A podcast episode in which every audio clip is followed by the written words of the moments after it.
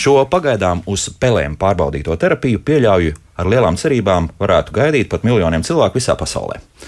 Norvestes Universitātes zinātnieki radījuši jaunu inicējumu terapiju, kas izmanto dejojošās molekulas, tās tiek liktas pēdiņās, lai cīnītos ar paralīzi un atjaunotu audus pēc smagiem muguras smadzeņu bojājumiem. Pētnieki ievadīja vienu injekciju audos, kas ieskauj paralizētu peļu muguras smadzenes. Tikai četras nedēļas vēlāk dzīvnieki atguva spēju staigāt.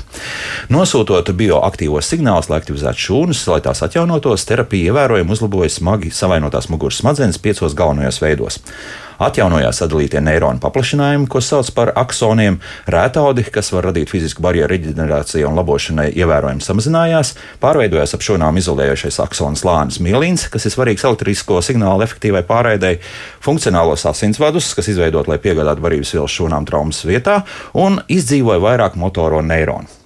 Pēc tam, kad terapija pilda savu funkciju, materiāli 12 nedēļu laikā bioloģiski sadalās par barības vielu šūnām un pēc tam pilnībā izzūd no organisma bez manāmām blakus parādībām. Šis ir pirmais pētījums, kurā pētnieki kontrolēja molekulu kolektīvo kustību, mainot ķīmisko struktūru, lai palielinātu terapijas efektivitāti. Izklausās pat pārāk labi un neticis, ka tā varētu būt taisnība, bet, ja tas publicēts žurnālā Science, tad jācer, ka jau pēc pāris gadiem būs pirmie cilvēki, kas, pateicoties šai terapijai, spēs ratiņkrēslu atstāt pagātnē. Bet pagaidām mums ir jādzīvo ar to, kas ir, un šādos gadījumos dzīves kvalitāti var uzlabot, pat netērējot tam milzīgus līdzekļus, un par to šodien raidījumā. Šogad labdarības maratons dod pieci pievēršas vidas pieejamības jautājumam, lai cilvēkiem ar funkcionāliem traucējumiem pārtrauktu mūžīgo mājasēdi. Kā jau saprotat, tad šīs dienas raidījums mums ir saistīts ar labdarības akcijas dodu pieci šī gada tematiku. Jā, vidas pieejamības problemātika cilvēkiem ar funkcionāliem traucējumiem, aicinot visu sabiedrību ieraudzīt to cilvēku ikdienu, kas saskārušies ar redzes, dzirdes un kustību traucējumiem. Šodien gan mēs nevis ieraudzīsim, bet sadzirdēsim to, kā jāiekārto mājoklis, kas būtu piemērots cilvēkiem ar funkcionāliem traucējumiem, un to mums palīdzēs izdarīt vidas pieejamības eksperts, invalīdu un viņa draugu apvienībā Apērons Jurģis Briedis. Jurģis, sveicināti! Labrīt! Un arhitekte Elīna Rožlapa. Sveicināti! Labrīt! Ehm, Jurģi, Izdevās uzmest acī, paskatīties, tu dod pieci studiju, kas atrodas tepat Doma laukumā, to rampu. Pareizi viss ir uztaisīts, vai, vai neredzējāt? Redzējām, jā, -hmm. pirmdien mēs speciāli aizgājām apskatīties. Jā. Izskatās, protams, jā, labi. Tā ir standarta rampa, vai, vai tur katrā gadījumā šādas rampas ir speciāli jāpiemēro, lai tās būtu tiešām funkcionāls, nevis tikai skatam? Nu, katra situācija ir individuāla, un tāpēc ir jāmeklē tie risinājumi. Šajā gadījumā arī varbūt tā rampa ir mazliet šaurāka nekā normatīvs to pieprasa, bet funkcionāli viņu izmantot var. Nu, vismaz tās pāris nedēļas, jā, jā, kas, kas, tā. kas būs arī vajadzīgas, un tas ir pats galvenais. Bet tomēr, kā jums liekas, es tagad arī Elīnai jautāšu, ko ir vieglāk izdarīt? Sākt no nulles kaut ko būvēt un uzbūvēt tā, lai tiešām cilvēkam, kam ir problēmas ar pārvietošanos vai, vai kādas citas lietas, vai tomēr arī tos mājokļus, kas šobrīd jau ir pieejami, vienkārši pārbūvēt un ar salīdzinoši nelieliem līdzekļiem, iespējams, pat tur kaut kādu rokturu tikai pielikšanu. Sākt no nulles noteikti ir vieglāk, jo tad jau pašā sākumā var paredzēt eh, dažādus risinājumus, lai eh, cilvēkiem eh, dzīve kļūtu labāka. Man tur cik ļoti patīk jūs redzējuma nosaukums, jo tas no, jā. faktiski ir faktiski tas, ar ko nodarbojas arhitekts. Viņš palīdz cilvēkiem dzīvot labāk. Un tad, kad mēs projektējam pilnīgi jaunas ēkas, tad ir, protams, daudz vieglāk padomāt par, par visu to, ko mēs gribētu ieviest, ievērot Uh, uzbūvēt. Un daudz vieglāk ir to arī realizēt. Savukārt, tad, kad mēs runājam par esošām ēkām, tad vienmēr ir kaut kādi esoši ierobežojumi. Nu, piemēram, mūsu liela, lielākais dzīvokļu fonds, padomi laiku tipveida sēriju mājas. Uh, Viņas ir tādas, kādas viņas ir. Arī tur ir iespējams veikt uzlabojumus, bet tam ir, protams, robežas. Un ir, protams, arī svarīgi, par, tieši par kādiem funkcionāliem traucējumiem mēs runājam. Priekš kādiem traucējumiem ir vieglāk telpas pie, piemērot, priek, priekš citiem, protams, sarežģītāk. Nu, mm. piemēram, jūsu, jūsu, jūsu pieminētie varbūt tiešām rokturi un, un kontrastējošas krāsas tie, tie līdzēs pie, pie kāda viena funkcionālo traucējumu līmeņa, bet, protams, ja cilvēks ir riteņkrēslā, tad tie pielāgojumi, kas ir nepieciešami, ir daudz nopietnāki. Mm -hmm. Ratiņkrēsls kopumā ir tāds standarts pēc būtības, pēc kā ir jāvadās, lai, lai mēs iekārtotu vidu un arī savu mājokli tā, lai, lai tas, šie ratiņi visur tiktu cauri, Jurģi. Mm. Nu, jā, nu, arī ja, ja runā par mājokli, tad katrs cilvēks ir individuāls. Mēs nevaram varbūt reizēm skatīties tieši tādas publiskos ēkas, kur mēs paņemam vidējo cilvēku. Un, un mājokli pielāgojot, jāskatās ļoti individuāli. Jo, ja cilvēki, cilvēks arī izvēlās savu ratiņkrēslu, tāds, kas viņam piemērots, viņš var ļoti atšķirties gan par platumu, gan par garumu. Un varbūt nevienmēr ir tās visas durvis jāizkaļ. Nu, platākas. Jo varbūt cilvēks ir smalks, un viņam ir smalki ratiņkrēsls. Mm -hmm, tā kā tas arī ne, nevarētu tā kalpot par kaut kādu standartu. Ja? Bet nu, sāksim tā, varbūt ar tādām elementārām lietām. Nu, mm, es zinu, ka mums klausās arī pietiekami daudz gados vecāku cilvēku, kuriem arī noteikti iespējams, ka pat prātā neienāk, ka varbūt kaut kāda ļoti elementāra uzlabojuma mājā varētu palīdzēt krietni labāk, tiešām uzlabot savu dzīves kvalitāti, lai, lai būtu vieglāk pagatavot brokastis vai, vai nu, aiziet kaut vai uz ķemertiņu. Ja? Nu, tā vienkārši runājot. Nu, tā tik ir. Nu, tieši tā, jā, nu, kaut vai kā mēs virtuvi iekārtojam, kur mēs cepeškrāsu, no, lai nav jāliecās, var viņu pacelt augstāk, kāds mums leduskapis, nu, visādi tādi sīkumi, kas tiešām var atvieglot uh, dzīvi. Jā. Bet kā tad ir ar tiem standartiem? Jo, pieņemsim, tāpat ir kaut kādi būvnormatīvi, kur, kur jābūt ir attiecīgām, tā kā pašai izlietnē jāatrodas. Nu, ne, mēs ne, jā, nu, pārbūvēt var, protams, un tas, tas maksās kā liels līdzekļus. Cik, pieņemsim, arī viss iebūvējumā tehnika tā ir piemērota, tā, kas tiešām tiek, var tikt nopirkt veikalā, arī tam, lai, lai tas viss arī labi funkcionētu arī šādos gadījumos, par ko mēs runājam. Nu, jā, nu, ir dažādas tās arī tehnikas. Un, eh, kā jau teicu, cep, kaut kā piemēram cepeškrāsni.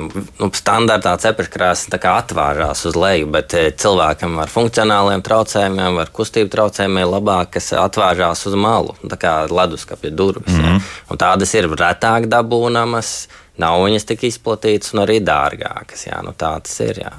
Tad ir eh, vienalga, ka šeit līdzekļu ekonomija nesanāks. Jā. Nu, nevienmēr, jā. Bet eh, nu, arī vietas ekonomija droši vien paredzēt zem izlietnes brīvu vietu, lai tu varētu piebraukt klāt. Un atkal tu nu nevari skapīt apakšā likt. Un mm. to arī mhm. jārēķinās. Nu, kad ja cilvēkam riteņkrēslā vajag vairāk to vietu, vairāk vietu mantām. Arī augstums, kādā viņš spēja aizsniegt, ir nu, 1,20 m. Viņš nevar kaut ko pie griestiem glabāt. Tā kā arī tas dzīvoklis ir nu, daudz zemāks priekš viņa, un līdz ar to to platību uz grīdas daudz lielāka. Arī. Vajadzētu, jā. jā. Bet nu, realitāte ir tā, kā ir. Jā, nu, realitāte ir, jā, nu, tas dzīvoklis platāki nepaliek. Kāds viņš ir, tāds ir. Jā. Mm. Šeit kaut kādas viltības ir iespējams. Nu, kaut kā tā panākt. Jo nu, ik pa brīdim jau kaut kādos arī arhitektūras žurnālos var redzēt, uh, ka tiek veikts kaut kādas ļoti interesantas pārbūves arī ļoti mazos dzīvoklīšos. Tas ir ne tikai Latvijā, bet arī pasaulē, ja, kur pēkšņi 20 kvadrātmetros var uztaisīt kaut ko tādu, kur var kopumā dzīvot arī četri un vairāk cilvēku. Tas jau, tas jau nav slikti. Jā, Protams, visu, visu izšķir uh, domāšana. Jo vairāk mēs par kādu lietu domājam, jo vairāk mēs cenšamies izprast to konkrēto cilvēku, kurš tur dzīvos. Un jo vairāk mēs pameklējam risinājumus, jo lielāks izredzes ir, ka arī mazā dzīvoklī pielāgojumus tomēr var veikt. Protams, ir, ir arī iespējas lielākoties nu, cilvēki, ne, maz kurš var atļauties tā pilnībā savu dzīvokli pārbūvēt. Parasti tas notiek tad, kad mēs ievācamies kādā jaunā dzīves vietā, bet arī esošā dzīves vietā var ar, ar arhitekta vai varbūt ar interjeru dizaineru palīdzību, kurš ir vairāk pievērsies un domājis par vidas pieejamības jautājumiem.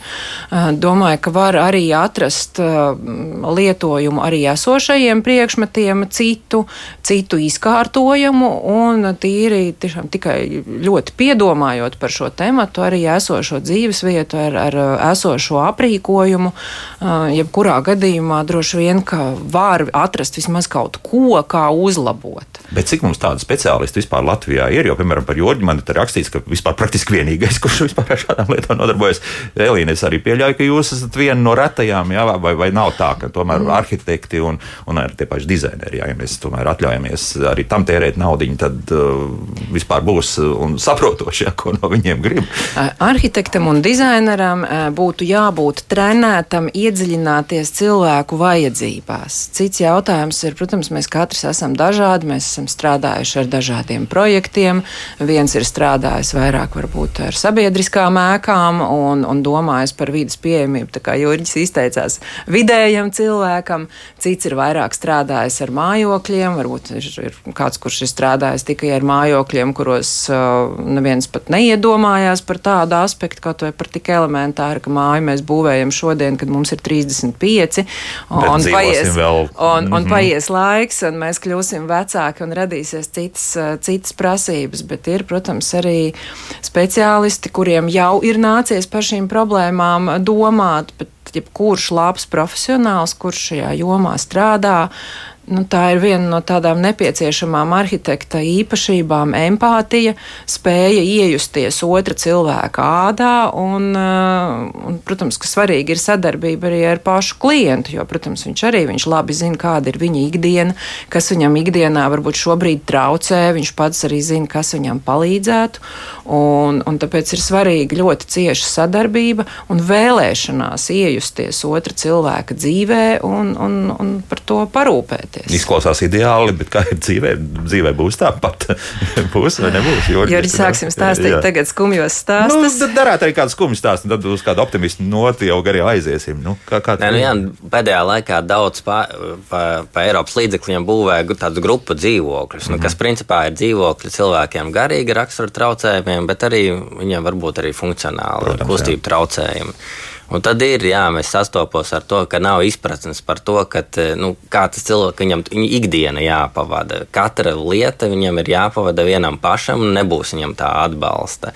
Un tad ir tādi visādi sīkumi, nu, kādā augstumā mēs rozetes novietojam, liekam, Un standartā kaut kur baigi zemu noliek. Grūti aizsniegt, un pieliekties cilvēks nevar logu atvērt. Logam roku tur ir tādā augstumā, ka tur viņi nevar aizsniegt. Principā vajadzētu atzīmēt, ka pavisam kaut kur piedalās. Nu, tieši tā, jā. nu vienkārši pasūtot tos logus, tas ir jāpasaka, jo standartā ieliek vienkārši vidū. Un visādi tādi sīkumi, kas to ikdienu arī nu, sastāda, kā durvis vērās, kādos virzienos. Un, ja tev katru dienu jābrauc apkārt kaut kādām durvīm, lai iebrauktu sanmazglā, piemēram ka cilvēks, varbūt, kurš staigā to neizjūt, bet nu, kas pārvietojas ar staiguli vai ratiņkrēslu, viņš to ikdienā izjūt. Nu. Tad tas ideālais variants vispār, ka durvis vērtos uz abām pusēm, pieņemsim, gan uz iekšā, gan uz āru un otrādi. Nē, nu, nē, nu, es vienkārši es saku tā... tādu ērtāku jā. risinājumu. Jā, jā, jā, jā. Piemēram, no istabas tev jāiet apkārt durvīm, mm. vai nu, tādi visādi sīkumi. Un otrais, kad neizprot to, ka nu, to vietu, vai ko es jau minēju, vairāk. Jo arī, ja cilvēkam pārvietojas riteņkrēslā, viņam ir vēl rezerves riteņkrēsls, kurš arī kaut kur ir jāglabā, un nav tam vieta vispār paredzēta. Un, nu, visādi tādi, jā.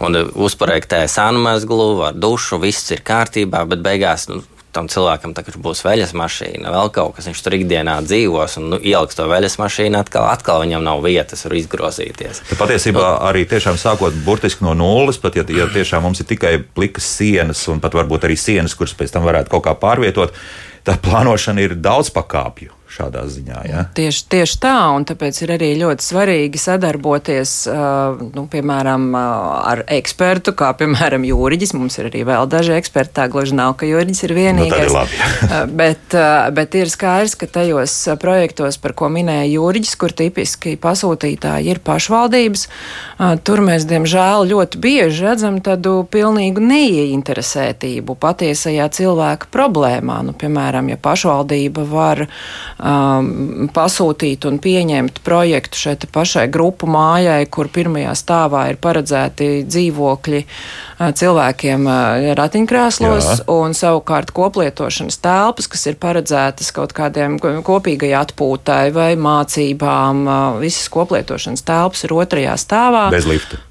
Bez, bez lifta. Tieši tā. Un pašvaldības, un pašvaldības, atbilde, un pašvaldības atbilde ir tāda, ka, nu, ka tas esot pārāk dārgi ierīkot nu, pacēlāju. Tas, protams, jā. Nu, jā tad, tad es jau gribēju jautāt. Pa, pamatu, pamatojas uz normatīvo aktu, kurš pasaka, ka normatīvu prasības var arī neievērot, ja tas uzliek nesamērīgu slogu būvs īpašniekam, bet tā problēma jau ir, ka šī būva faktiski viņu vairs nekalpo mērķim jo, jo no, nu, jā. projekta nosaukums ir. Nu, tad, tad iespējas dzīvot patstāvīgu dzīvi cilvēkiem mm. ar funkcionāliem traucējumiem. Un tie, kas tad, dzīvo pirmā stāvā, patstāvīgu jā, dzīvi. varēs dziedāt, es nojaušu, kas notiek otrajā stāvā. Jā, Mēram, jā tie, tā, apmēram tā. tā ir. Un tādi mums ir skumjie stāsti. Jurģis arī, es neesmu ne tikai arhitekta, bet arī uh, arhitektu certificēšanas centra vadītāja. Līdz ar to mums nākās nā, nākās darboties ne tikai man pašai ar saviem projektiem, bet iedziļināties arī, arī to, tajā, ko ir darījuši kolēģi. Un tad pēdējā laikā arī Jurģis mums ir rakstījis vairākus atzinumus un vērtējis projektus, kur ir redzams, ka faktiski nav bijusi ne no vienas puses tāda iniciatīva iejusties tā cilvēka ādā, kurš to ēku vai kurš dzīvokli lietos. Nav bijusi ieinteresētība pašam iejusties, nav bijusi ieinteresētība pieaicināt es nezinu, nu, piemēram, pašvaldībā jau kādas esošās uh, iestādes, nu, piemēram, darbinieku, kurš uh, labi pārzina vismaz uh, ikdienu. Katrā pašvaldībā kāds atradīsies ar... šāds, jā? Nu, jā. Protams, jā, un tad tie, tie, tie ir tie, tie skumjie stāsti. Nauda atkal, Jorģi, ja? Nu, nu, nevienmēr ir nauda runa ir par prioritātēm. Nu, kas Aha. mums ir prioritāte? Un tad reizēm prioritāte ir smukākas mēbeles nekā nu, pacēlājs. Nu, Nu, tāda tā situācija bieži vien ir. Es, es, ne, es gribētu teikt, ka ir mums nauda, un es esmu redzējis, tiešām, kur ļoti liela, milzīgas līdzekļus iegulda un, un netiek izdarīts arī. Es neuzskatu, ka nauda ir problēma. Tā tad uh, neliederīgi ieguldīti līdzekļi. Es domāju, jā. jā. Pat tā. Un par prioritātēm, protams, kas mums ir prioritāte. Nu, ja sevišķi, ja mēs runājam par šādām mājām, tur prioritātēm būtu pilnīgi skaidrām būt jābūt. Jā. Nu, arī vienkārši nepadomāšana, piemēram, rozete, nu, cena no tā nemainās, no tā, vai, vai viņa tiek iebūvēta pie grīdas, kur viņu nevar aizsniegt, vai viņa tiek iebūvēta piemērotā augstumā. No, jā, Izmaksas jau no tā nemainās. Iespējams, tas ir, bet, bet tas, tas celtnieks, kas būvē un tas, kas projektē, labi zina, nu, ka mums tur attiecīgi tie 50 centimetri no grīdas ir, viņam šis standarta projekts projekts vai, vai tā, nu, tā schēma būs. Kāpēc man kaut ko tur mainīt? Jā? Iespējams, ka ne, nu, tas nav jau tāds standarta projekts. Priekš tam jau katrai no šīm būvēm ir tur... projekts, kurā, kurā tiek skaidri norādīts parasti, kādā augstumā ir jāmontē rozetes. Nu, jā. Tā kā, jā, es piekrītu Jurģim, nauda nav problēma. Problēma ir attieksme. Mm -hmm. bet, bet atgriežoties pie tā, ka mums tomēr tas um, kopējais uh, dzīvokļu fonds un dzīvojamais fonds nu, ir, ir tāds, kāds ir, un, un, un uh, pa, tie jaunie projekti ir tiešām ļoti maz. Cik daudz ir iespējas vispār kopumā pārbūvēt, ieskaitot arī tas, kā tās rozetes pareizi novietot jau tādās paneļu mājās, kas ir, kurām jau šobrīd ir vairāk nekā 40 mm. un vairāk gadu? Jā, nu, pirmkārt, Visiem es ieteiktu mainīt elektrību tāpat, un lai nu, jā, jā, jau, pārvilkt, jā, tas, jā. tas, tas tā, bet, eh, nu jā, ir at, arī atkarīgs no, sērija, no sērijas, nu kādā sērijā, un ja tās ir uh, saucamās Hruščovkas, kas ir pie, 50. beigās, 60. Mm -hmm. Un, ja tas ir augstāk kaut kur par otro stāvu, tad ir diezgan sarežģīti. Jā. Tas, tas, tas pacēlājs ir ļoti lēns un sarežģīts. Un, un ļoti reizēm tā vieta ir, viņš nevar izgriezties. Bet, tāpēc cilvēki arī meklē tos pirmos stāvus, arī nu, mainās, pārmainās uz tiem pirmajiem stāviem, vai meklē nu, tos uh, 602. visas tās sērijas, 9 stāvu mājas, kur, kur ir lifti. Jau, kur jā. ir lifti jā. Bet nu, arī, tas ir arī tieši lifts jau neatbilst nekādam mūsdienu standartam. Un ir gadījušās situācijas, jā, kad cilvēks neņem platāku riteņkrēslu, lai viņam vajadzētu. Uh, vienkārši viņš gluži vienkārši zina, ka iebraukt liftā. Nu, viņš zina, liftam durvis ir 62, un tas ir maksimums. Un es nedrīkstu viņam platākus ratus. Tā kā, mm. Tādas situācijas arī ir. Jā. Un tas nozīmē arī to, ka joprojām ir daudz cilvēku, kas uh, šādu iemeslu dēļ vienkārši no mājas ārā neiet. Ja? Nu, nu, tieši jā. tā, jā. Un ļoti daudz, pašu, ja, ļoti daudz pašvaldības arī nedos šos līdzekļus, lai pielāgotu šos mājokļus. Jo mm. tas pacēlājs nu, ir dārgs, viņš nav lēts. Un, ja cilvēks ir tikai no pensijas pārtiek, nu, viņš nevar to atļauties. Gluži vienkārši. Jā, nu, jā bet labi pacēlājs, bet pieņemsim arī tās pašas ieejas durvis un tādas lietas. Un tas būtu arī ērti arī tiem gados vecākiem cilvēkiem, lai vienkārši ērtāk būtu ieiet, un arī, arī jaunajām ģimenēm, kas mm. noteikti šādās mājās dzīvo, lai tos pašus bērnu ratus varētu labāk ievilkt iekšā, ja nevis ievilkt, bet iestumt, lai tur nav jādomā atkal šī tā te tur un bērnu rokā un vēl tur kaut kā. Kā es to visu darīju kādreiz? Jā, es sāku domāt, jā, bet nu jā.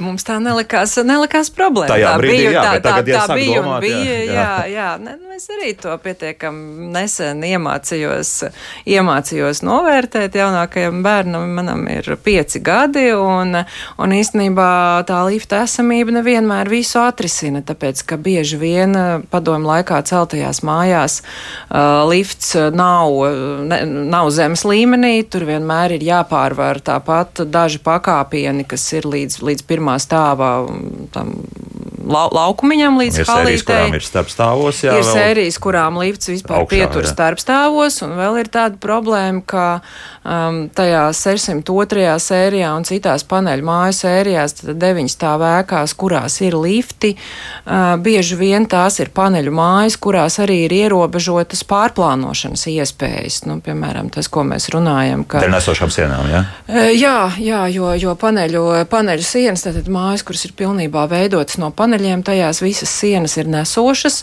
un līdz ar to ir ierobežotas iespējas. Nu, droši vien kā ar istabām varbūt ir pat mazāka problēma, bet, piemēram, virtuves, jā, kur ir ā, populāri nojaukt sienu starp istabu un virtuvi, ne, ne visās sērijās tas ir iespējams, un ā, attiecīgi mm, padomu laiku projektos virtuves ir ļoti mazas, un tur droši vien, ka ir īpaši apgrūtinoši eh, cilvēkiem ar kustību traucējumiem tieši ratiņkrēslā, viņam, viņam tur ir, eh, ir grūti darboties. Bet, nu, teiksim, tak pie visa. Nu.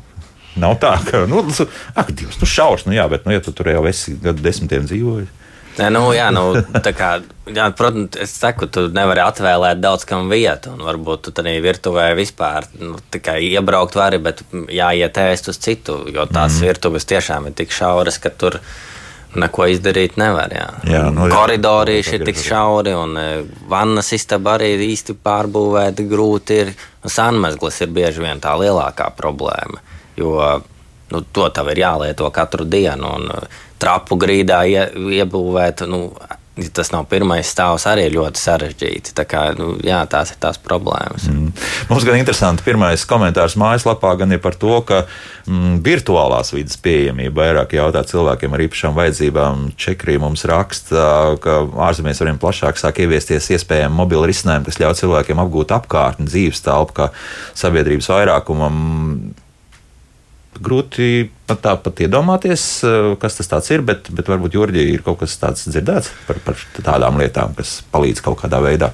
Nu, protams, nu, protams var, varam ar, ar visādas uzliekamās brilles, ir, kur tu jūties kā, kā vidē, bet, bet nu, vide, nu, gaisu ielpot, izkustēties, tomēr tas ir cits kaut kas. Un, mēs varam par to runāt kaut kādās tiešām, nezinu, cilvēks nekad neuzkāps Himalaju kalnos, tad tev var izcinājumu, bet nu, tādai. Tādā virtuālā pasaulē paceļot, jā, nu, jā, tādā jo ziņā, nu, jā. tas nebūs droši vien iespējams, bet, eh, ja to var atrisināt, tad, protams, uz to nevajadzētu iziet tikai uz virtuāliem risinājumiem. Nu, tas gan jā, jo, jo galu galā dzīvojam mēs tomēr ar savu fizisko ķermeni. Jā. Tieši tā dzīve ir jābūt īstai, bet, Jurģi, tu, tu, tu varbūt par to kaut ko zini. Es uh, godīgi teikšu, es nezinu, bet iespējams arī, piemēram, uh, virtuālais asistents, kurš palīdz pārvietoties vidē, piemēram, zinot ceļus, kuri ir pieejami ar, ar konkrētiem funkcionāliem traucējumiem, vai kas palīdz cilvēkiem ar,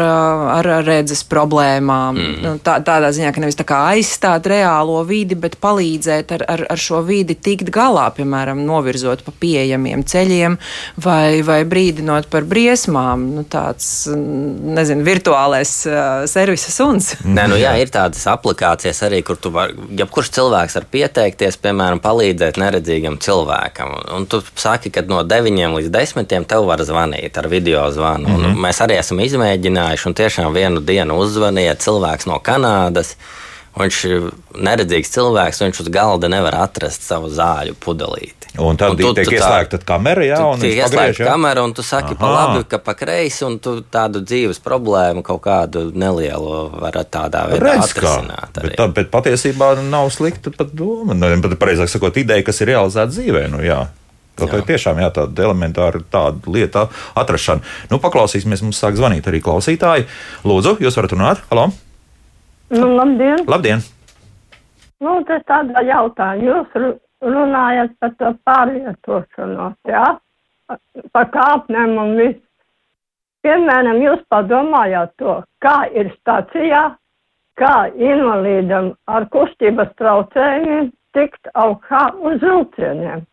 Tur vispār nav nekā, ne lifta, nekas nav. Jūs par centrālo stāciju Rīgas domājat, jā? Pie es saprotu. tuneļa izdomāt, uh, tas nobraukt lejā, paiet pa tuneli, uzbraukt augšā.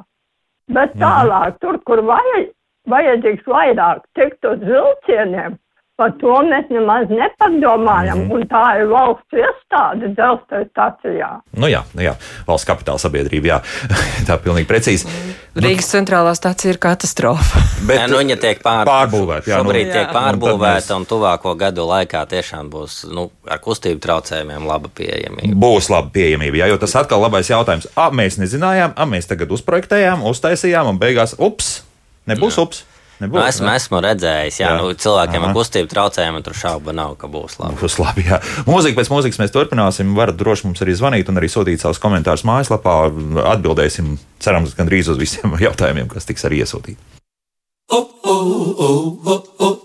Kā labāk dzīvot? Gribu atgādināt, mēs runājam par vidas pieejamību un, un arī mājokļu iekārtošanu cilvēkiem ar funkcionāliem traucējumiem. Jurģis Briedis un Elīna Rožlapa šeit studijā, un paklausīsimies arī kādu klausītāju, kas ilgi mūs gaidīs. Lūdzu, jūs varat runāt. Labdien! Labdien! Atkal neviena vārda par lauku iedzīvotājiem. Eh, Padomju laikos, tamos sliktajos, eh, invalīdiem vismaz piešķīra motorratiņus vai zapiņus pārtaisītus ar loku vadību, ja? Kurš tagad asistents pa 68 eiro dzīsies kilometriem dziļi kaut kur iekšā laukos, lai kādam kaut ko izpalīdzētu? Mhm. Piemēram, tagad citamos sniegos bargajos ar kāpurķēžu kaut kādu transportu var tikt uz malkas šķūni vai zaku pēc ūdens. Paldies! Jā, paldies. Redz, mēs par to pilsētu vidi vairāk runājām, bet, bet patiesībā jā, ar cilvēku arī dzīvo. Arī ne tikai pilsētās, un arī. Nu, diemžēl automašīnas nepiešķir Latvijā. Jā. Nu, citās valstīs piešķir arī cilvēkiem, ja viņam tāda diagnoze ir. Bet nu, toties ir daudz labāks ratiņkrēsls mums šobrīd piešķir nekā to darīja padomu laikā. Un mums ir elektriskie riteņkrēsli un kvalitatīvi ir riteņkrēsli. Nu. Vien, vienmēr pilnīgi simtprocentīgi palīdzēt arī tādās situācijās, kad daudz krīt sniegs un, un tādas lietas. Nu, tur ir agrāk vai vēl kaut kad var būt, ka tas izdosies visiem izpalīdzēt, bet nu, pagaidām tā Nu, jā, ir. bet nu, ir dabūnami arī tādi elektriskie skūteri, mm Mhm. -hmm. kas par, jau tāds tas nav gluži ratiņkrēsls, bet jau tāds pa tādu granti var ar viņu pabraukt, un, un kādus desmit kilometrus ar tādu arī var nobraukt. Riteņi jau ir uh, krietni lielāki. krietni lielāki, viņš ir smagāks, garāks, un akumulātori ietilpīgāki. Un to arī var dabūt pa valsts budžeta līdzekļiem. Protams, nu, ir uz tehnisko palīdzību ceļu tur jādodas. Un, Nu, tur rindā visdrīzākais būs Jā, droši vien, jā. jā bet, bet kopumā ar šiem elektrodažādiem rīkiem, par to mēs arī savulaik esam runājuši raidījumā, nu, šī situācija uzlabosies. Nu, būs arvien vairāk dažādas iespējas, jā, un, un arī cilvēkiem ar īpašām vajadzībām. Nu, ir iespējas, jā, jau šobrīd Jā. vienkārši ir daudz kas līdz Latvijai nav atnācis. Nu, diemžēl, bet, jā, jā, bet ir ļoti daudz. Jā. Mhm, nu, turpinām klausīties mūsu radioklausītājus. Lūdzu, jūs varat uh, runāt. Halo! Labdien! Labdien! Lūdzu, nenoslēdziet. Es tikko neilgi vakardien atbraucu no Valmieras slimnīcas, biju ar vīru saslimis. Lūdzu, vai nevarētu slimnīcā iekārtot tādu lietu, kad skanētu fonā nedaudz muzika, lai nav jāguļ tajā nāvis klusumā. Nezinu, ne cik ir pulkstens. Arī varēja pateikt pa laikam pulkstens sveicam astoņos no rīta, vai tagad ir 12 naktī, pateikt pulksteni, lai cilvēki, kas guļ, lai viņi kaut ko zina. Viņi guļ, neko nesaprot, tas ir ārprāts tā gulēšana.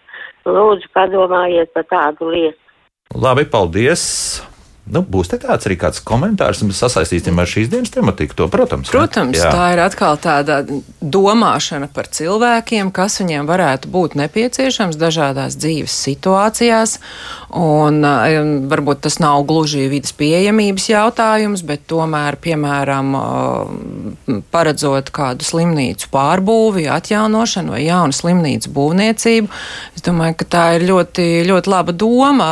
Um, Protams, ka tie ir atkal papildinājumi papildus līdzekļi, bet paredzēt slimnīcās kopējo apskaņošanas sistēmu. Tur, protams, jārēķinās, ka vienam cilvēkam tas, kas liekas Patīk, ļoti patīkami, tas varbūt kādam, kādam citam savukārt tieši liksies traucējoši. Cits pateiks, ka man ir mans mobilais telefons, man vairāk mm, neko nevajag. Jā, un... jā, bet, bet iespējams, ka par šādām lietām var arī domāt, tās apsvērt un rast kādu veidu, kur, kur patiešām tas var nest kādu kopīgu labumu. Es tikai uzreiz, uzreiz pateikšu, ka tas visdrīzākais cauri to mūziku neies. Tur ir autortiesība jautājums. Tas nozīmē, ka tā ir publiska atskaņošana un bla bla bla. Tas ir naudas atkal uz tiem kvadrātmetriem. Tur būs milzīgas naudas summas, kas ir, būs jātērē tagad slimnīcām, lai samaksātu akalā un, un tā tālāk. Piedod, bet, piemēram, bet, piemēram, jā. iespēja austiņās klausīties austiņās, jā. radio. Jā. Tātad, ja, ja mums ir iespēja palātās izvilkt kā, kādu nebūtu tīklu un paredzēt iespēju, ka tur ir austiņas, kurās cilvēks var klausīties radio. Tīklu pat nevajag, pietiks ar, ja nu, tās austiņas būs drusku dārgākas, nu, tās, kas strādā uz Bluetooth vai jā, Wi-Fi, tā jā, tālāk. Jā. Tā galīgi nav problēma, bet tas ir atkal naudas jautājums. Nu, tas ir atkal naudas jautājums. Jā, Jorģis kaut ko piebilst vēl par tā.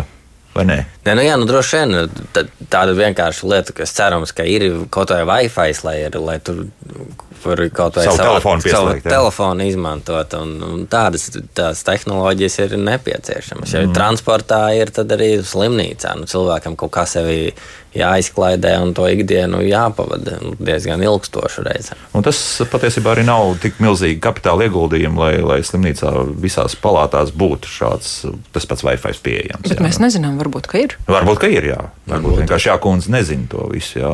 Nu, jā, un arī attiecīgi telefonu tādu nav. Nu, vēl paklausīsimies klausītājs lūdzu. Halo! Jā, labrīt. labrīt. Uh, gribu. Halo! Jā, jā. Halo! Jā, gribu piebilst par tikko pateikto, bet taču visi četri Latvijas radio kanāli, vai tad viņi nav bez autortiesībām? Tas ir pirmais jautājums. Nē, nē, nē mēs maksājam, maksā par visu mūzikas atskaņošanu. Bet vai tad cilvēki valstī jau, jau nevar, piemēram, ieslēgt jebkura vieta, piemēram, to pašu Latvijas radio vienu? Vai man, man, man, man nav tāda, tāda tiesība, piemēram, darbā klausīties vai vēl kaut kur? Nu, nezinu, interesanti. Pirmais nu, jautājums. Tie likumi ir tādi, jā. jā. Nu, otrais jautājums, jā. Un otrs jautājums tāds, eh, vienmēr, kad eh, skan šī tēma, jā. Mani vienmēr uztrauc uh, visi šie, šie vārdi - invalīds, ar īpašām vajadzībām. Varbūt vajadzētu kādu citu izdomāt. Nu, piemēram, uh, cilvēks ar nenovērtētam iespējām, vai kaut kā tādi, lai, lai paša sākuma dzirdot to vārdu un par sevi to terminu, jā, lai cilvēkam būtu cerība un kaut kāda kustība mm -hmm. priekš. Labi, paldies. Ideja nav slikta, ideja nav slikta galīgi ar nenovērtētām iespējām. Nenovērt, es, es, es gribēju piebilst, ka īstenībā nu, mēs jau visi esam vienkārši cilvēki. Katrs, katrs citāds un visticamāk katram no mums ir kaut kas tāds, ko varētu nosaukt par funkcionālu traucējumu. Mēs esam pieraduši runāt runāt par cilvēkiem, kas ir riteņkrēslos, par cilvēkiem, kuriem ir uh, vājāka redze vai dzirde un tam līdzīgi, bet uh, tie ikdienas funkcionālie traucējumi ir ļoti daudz un dažādi. Piemēram, ir dažādas fobijas, uh, piemēram, ir, ir dažādi citi traucējumi. Es, piemēram, ļoti slikti atpazīstu sejas. -hmm. Un, un arī vāji orientējos telpā. Tāpēc man personīgi ir ļoti svarīgi, lai, lai ieejot kādā sabiedriskā ēkā, lai būtu skaidri saprotama struktūra, jā, jā. lai būtu norādes, lai būtu saprotams, kurā vietā ir kāpnes. Tādas, tādas mazas lietas, kur mēs nevaram pateikt, ka mēs tagad runājam par kaut kādu norobežotu grupu, tiešām par, tā, kā kungs izteicās, nē, nē, nē, invalīdiem vai, vai cilvēkiem ar funkcionāliem traucējumiem. Mēs visi esam esam cilvēki, katrs ar savu individualitāti un katrs ar kaut kādu savu īpatnību, kura mums iespējams savu reizi kaut kā, kaut kā apgrūtina dzīvi. Mēs mm. visi tādi esam. Jā, Jurģi, kaut ko vēl par šo. Nu, jā, tieši tā, jā, ka droši vien katram mums ir kaut kādas Cits, cits nespēja skatīties kaut kādā ekrānā, kas raustās kaut kur, viņam sāk palikt slikti. Mm. Nevar, nu, tā kā ir katram ir kaut kāda disleksija, ko, ko maz runā. Un e, tās pašas norādes, kā mēs viņus, jo ja mēs uz stikla uzliekam burtiņus, tad cilvēki ar disleksiju to vienkārši nevar izlasīt. Un arī tādas lietas, protams. Un, un kopumā ņemot, nu, drīz būs tas lielais izrāviens, ka dažādas e, biotehnoloģijas, kas atļaus, joprojām lietot šo salīkumu vārdu cilvēkam ar īpašām vajadzībām, aiziet krietni uz priekšu daudziem it kā pilnīgi veseliem cilvēkiem. Jā. Tas būs vai nu tās būs ļoti spēcīgas rokas, pieņemsim, vai, vai ātra motorika, kas būs pie, pieejama un tā tālāk. Un iespējams arī jā, būs pirmie cilvēki, kuriem tiešām būs šie čipi galvā un, un, un, un, un, un smadzeņu domāšana un ātrums un reakcija un vispārējais būs krietni citā līmenī nekā cilvēkiem parastajiem, ja homo sapiens. Nu, tā būs, un tas, tas tā, tā vairs nav nemaz tik tālu nākotnē. Bet, nu, klausāmies, ar mums radioklausītājs jau zvana mums tagad ļoti daudz. Lūdzu! Labrīt, labrīt! Eh, Latvijas radio viens ir vislabākais draugs cilvēkam, un vajadzētu arī viņam, šim labajam draugam, apmierināt tā visnevarīgākā un visneapbruņotākā cilvēka, nu, ikdienas vajadzības, ap, vajadzību apmierināšana, tā teiksim, ja. Un, un kādreiz jau bija tā, ka no rīta teica, cik pulkstens, Ir taču cilvēki, kas neredz ne, ne, ne, ar kustību traucējumiem, nevar tur tādas vai šitādas tehnikas izmantot. Nu, cik jauki, labrīt! To ir grūti pateikt, pateikt, cik šorīt pulkstens ir. Mm -hmm. Tajā vai tajā stundā, Labi. vai tas tik ļoti aizņem radio laiku. Pagaidiet, pagaidiet, lūdzu, nesteidzieties. Nu, es varbūt pārāk ilgi runāju, ja? Un, un arī par, par to pašu mūzikas atskaņošanu un tam līdzīgi. Mēs nu, nodokļu maksātāji taču par to visu apmaksājam. Tāpēc tur nevar tam slimnīcā, nu, ne jau tikai slimnīcā, bet arī tiem, kas mājā guļ. Ne jau visi guļ slimnīcā, kāpēc tikai slimnīcā jums jāizgudro? Jā. Nav nekāda. To mēs saprotam, jā, paldies. Nu, kādreiz bija tā, nu redz, viltīgi Amerikas Savienoto valstu advokāti uztaisīja šādus uh, likuma paraugus un uh, par autortiesībām runājot, jā, un tagad tā mēs arī turpinām. Lūk, uh, Latvijas radio arī vēlreiz nu, sanāk, ja mēs saskaņojam kaut kur publiski, tad ir jāmaksā vēlreiz autortiesības. Ne jau mums jāmaksā ar Latvijas radio, bet jāmaksā tie, kas to atskaņo. Bet uh, par to laika teikšanu, starp citu, mums kolēģi no rīta saka, nu, jā, es šajā stundā nesaku tāpēc, ka nu, tur ir citi iemesli, varbūt kāda citreiz, bet uh, arī nobīdes, diemžēl, ir diezgan pamatīgas. Ja pieņemsim, mūsu klausās internetā, tad tur ir vairāk nekā 30 sekundes, varbūt nobīdīties. Un, ja es pateikšu, ka tagad ir minūte 9 un 47, tad uh, tie, kas mūs klausās internetā, viņiem vēl ir 46. Pieņemsim. Nu, labi, tas sīkumi, jā, bet nu, tā, tā, Raidījumiem arī mēdz būt atkārtojumi, un tad arī, ir ļoti jā. mulsinoši, ka tiek pateikts tas laiks, kas ir, kas ir tajā brīdī, tad, kad raidījums iet tiešraidē. Mēs, piemēram, ikdienā klausāmies Latvijas Rādio 5, un, un, un 5LV. Viņi saka, viņu, jā, viņu, viņu, rīt, viņu rīta raidījums tiek atkārtots arī brīvdienās, bet pilnīgi citā laikā. Un tajā brīdī ir ļoti mulsinoši, ka saka, ka pulkstenis, piemēram, ir septiņi no rīta, lai gan ir, piemēram, deviņi. Mm -hmm, jā, jā. Tā, tur arī ir dažādas blaknes. Ir, ir blaknes, jā. Nu, jā. Ejam tālāk, jā, paklausīsimies vēl mūsu klausītājus. Lūdzu, halo! Labrīt! Labrīt! Es būšu drusciņš skarba nu, tas attiecas uz iepriekšējo zvanītāju. Kas attiecas uz neredzīgiem cilvēkiem, nu nevajag visu laiku laimanāt, ka mēs nezinām, kad ir rīts, kad ir vakars. Ir gan elektroniskie pūksteņi, gan paramehāniskie pūksteņi. Nu, neesam taču mēs galu beigās tik stulbi, ka mēs neatšķiram rīt no vakara. Es vienkārši nespēju šo visu šās laimans klausīties. jo man pašai ir šīs problēmas, un tāpēc es zinu, ko es runāju. Mm -hmm, labi, paldies! Nevaimanāsim. un vēl viena klausītāja. Jā, jā, jā. jā. Jo, nu, tieši tā, jā, tad ir pieejami visādi tehniskie palīdzīgi neredzīgiem cilvēkiem, arī no valsts budžeta līdzekļiem, un pašs var iegādāties, kas to dzīvi atvieglo. Ir var atrast vienmēr risinājumus. Tas tā ir. Jā. Mm -hmm, un tie nav tie paši dārgākie. Tad pat patiesībā tieši. tas ir diezgan neliela kapitāla ieguldījuma, ja tā var teikt, lai, lai zinātu arī, cik ir precīzs laiks. Un par daudziem cilvēkiem mēs nemaz nezinām, ka viņam ir kāds funkcionāls traucējums, mm -hmm. piemēram, ka viņam ir ļoti vāja redze, jo viņš ir ikdienā iemanījis cīnījies ar to tik, tik labi tikt galā, ka neviens cilvēks, kurš to patiešām tieši nezina, viņš pat neiedomāsies īsti. Mm -hmm. Lūdzu, jūs varat runāt? Halo! Labrīt! Labrīt. Es vēlējos parunāt par pacēlājiem. Kadreiz labklājības ministrija ierosināja tādu projektu, kad valsts varētu apmaksāt invalīdu pacēlājs, jo mēs dzīvojam ceturtā stāvā un vēlamies iziet pastaigāt. Un otrs jautājums, kas nav sakārtots, tā ir invalīdu kopēja apmaksa un darba stāsts, jo tas viss neiet. Paldies! Mm -hmm, jā, paldies! Jā. Nu. Jā, nu, par, par, par pacēlājiem šobrīd ir laikam tā, ka pašvaldības kaut ko atmaksā, Rīgas pašvaldības, zinu, Liepājā kaut ko atmaksā, bet daudz kur Latvijā tiešām neatmaksā šos pacēlājus. Bet ir jā, tā, tā, tā, kaut tāda doma, ka arī valsts piešķirs budžeta līdzekļus šo mājokļu pielāgošanai. Tā kā nauda būs vēl vairāk kā nekad, jā. Nē, vēl, vēl, nē, nu it kā jau tas virzās. es šobrīd nevaru tā precīzi pateikt, kad tas būs un vai tas jau ir. Bet, uh, bet runājot par pacēlējiem, ir vēl viena svarīga informācija, kas šogad ir mainījusies. Tātad likuma normas jā, ir mainījušās. Nu jā, tātad līdz šim bija tā, ka, ja mēs daudzdzīvokļu mājā kopīpašumā gribam uzstādīt pacēlāju vai pandus izbūvēt pie ēkas, mums vajadzēja savākt arī parakstus vismaz laikam 70% no visiem iedzīvotājiem, ka viņi atļauj. Un bieži vien tos parakstus nebija iespējams savākt, jo cilvēki dzīvo ārzemēs, īrē, nevar atrast īstos saimniekus. Šogad ir pieņemts likums, jā, ka, ja cilvēks ir, cilvēkam ir invaliditāte, viņam pieder šis dzīvoklis, tad viņam nevajag šos pa, parakstus savākt. Bet, nu, protams, vispārējais, ka bū, būvvaldē visa tā būvniecības procedūra ir jāaiziet. Jāaiziet, un arī finansējums arī jāsaprot, bet, nu, no kurienes tas nāk. Nu, jā, tieši tā, jā, jā. bet nu, tie paraksti vairs ir tas ļoti atvieglo šo uzstādīšanu. Mm. Juris, es gribēju pajautāt vienu lietu, par ko man pievērst uz, viens uzņēmējs uh, runu. Viņš gribēja atvērt, tā bija, liekas, jā, tā bija kafejnīca uh, Rīgā uz Barona ielas.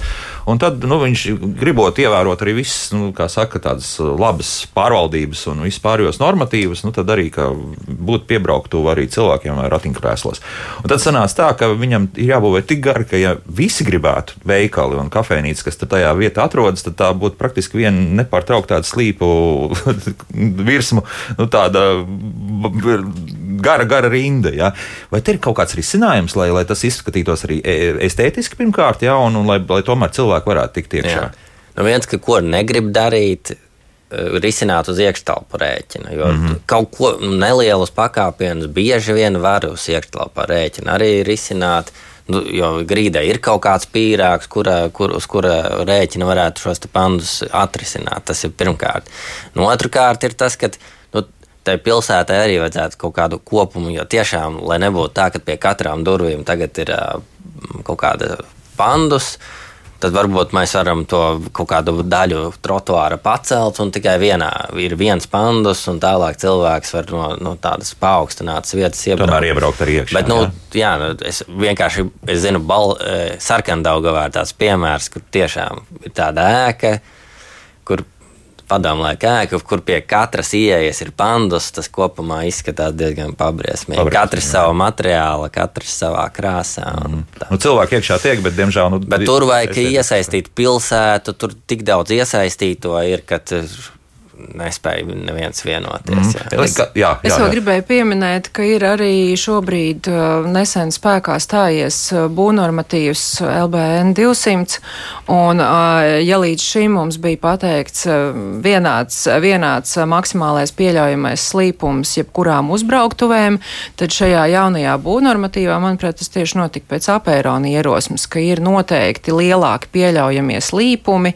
nelielām uzbrauktuvēm, ar kurām pārvā, pārvar uh, nelielus augstumus. Mm -hmm. Es domāju, ka tas arī palīdz, jo, jo protams, Rīgā ir. Sevišķi... garumā nevajadzēs būvēt, sanāks nu, kaut kāda, nu, varbūt divi metri. Jā, nu, tā, jā. Nu, apmēram jā. tā, jā. Bet, protams, ka Rīgā ir sevišķi vēsturiskajā apbūvē, kur tā mūsu būvniecības tradīcija bieži ir tāda, ka, ka ēkas ir uh, paceltas, uh, cokols ir, ir augstāks, tad sevišķi Rīgas blīvajā apbūvē tā, tā ir problēma. Jā. Mm -hmm. jā, nu vēl viens klausītājs, un tad vēl nedaudz arī pie mājaslapas lūdzu. Labdien! Labdien. Šeit zvana e, pensionāri 75 plus. Es staigāju ar skieķīti.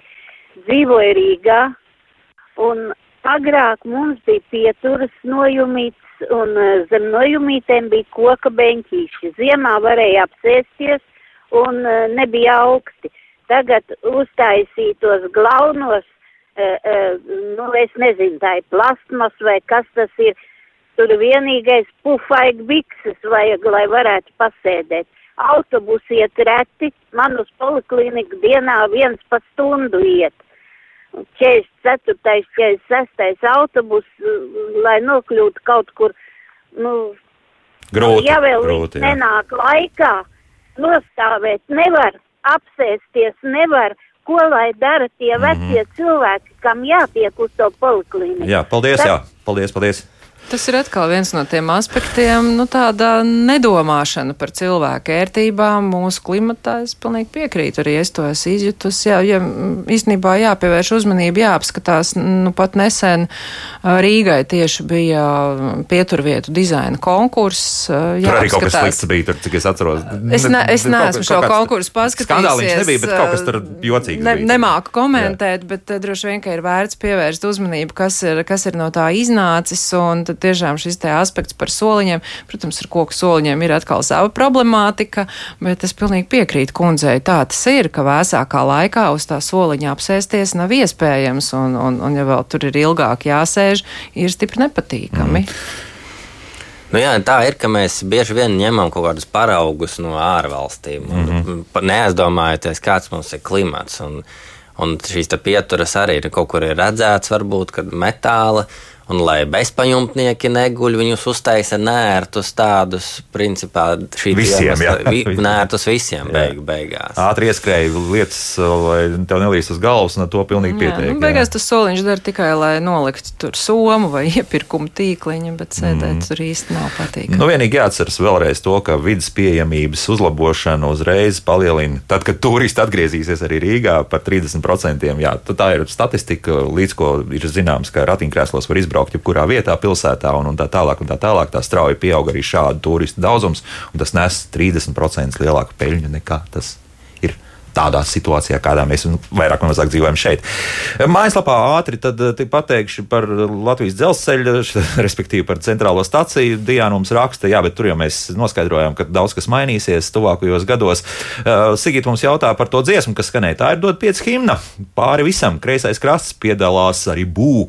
Tātad, eh, ja meklējat YouTube, ir atrodams. Un uh, vēl mums raksta arī par to, ka simtiem tūkstoši cilvēku ar īpašām vajadzībām pat uz darbu netiek. Uh, darba tirgu pilnvērtīgi pilnvērtīgi nevar iesaistīties. Jā, tā ir taisnība, un, un, un cerams, ka ar laiku tomēr tam risinājums arī tiks atrasts šeit Latvijā. Un konvencijā formulēts cilvēks ar invaliditāti. Domāju, ka jāpieņem šo formulējumu kā vienot, ja runā par invaliditāti. Diagnozi pieminam, ja ir nepieciešams. Tā Gunārs mums uzrakstīja. Ja? Vēl, vēl par tām darba vietām varētu pieminēt. Mēs šķiet ārpus kadra arī runājām par to, kāda mēdz būt pašvaldība attieksme pret vidas pieejamību. Tad uh, vēl, vēl viena labā ziņa ir, ka tajā pašā jau pieminētajā jaunajā būvnormatīvā, ja līdz šim bija tāda attieksme, ka, piemēram, biroja telpas, ka tās, ka tās varētu arī nebūt publiskas telpas un tur varētu nenodrošināt vidas pieejamību, tad šobrīd jaunajā normatīvā ir skaidri pateikts, ka jebkuras telpas, kurās cilvēki strādā, tur ir jānodrošina vidas pieejamība arī tai skaitā darbiniekiem. Mm -hmm. Tā kā ja iepriekš par to varēja tiešām atļauties, varbūt nedomāt, tagad tam uzmanība būs jāpievērš un attiecīgi arī darba videi būs jābūt pieejamai cilvēkiem ar dažādiem funkcionāliem traucējumiem. Lūk, tā vismaz ar, ar likumu tad citīsimies uz priekšu, jā, nu, kas nav arī slikti. Vides pieejamības eksperts invalīdu un viņa draugu apvienībā Apērons Jurģis Briedis un arhitekte Elīna Rožlaba bija kopā ar mums. Paldies par sarunu, jaukdienu visiem un tā!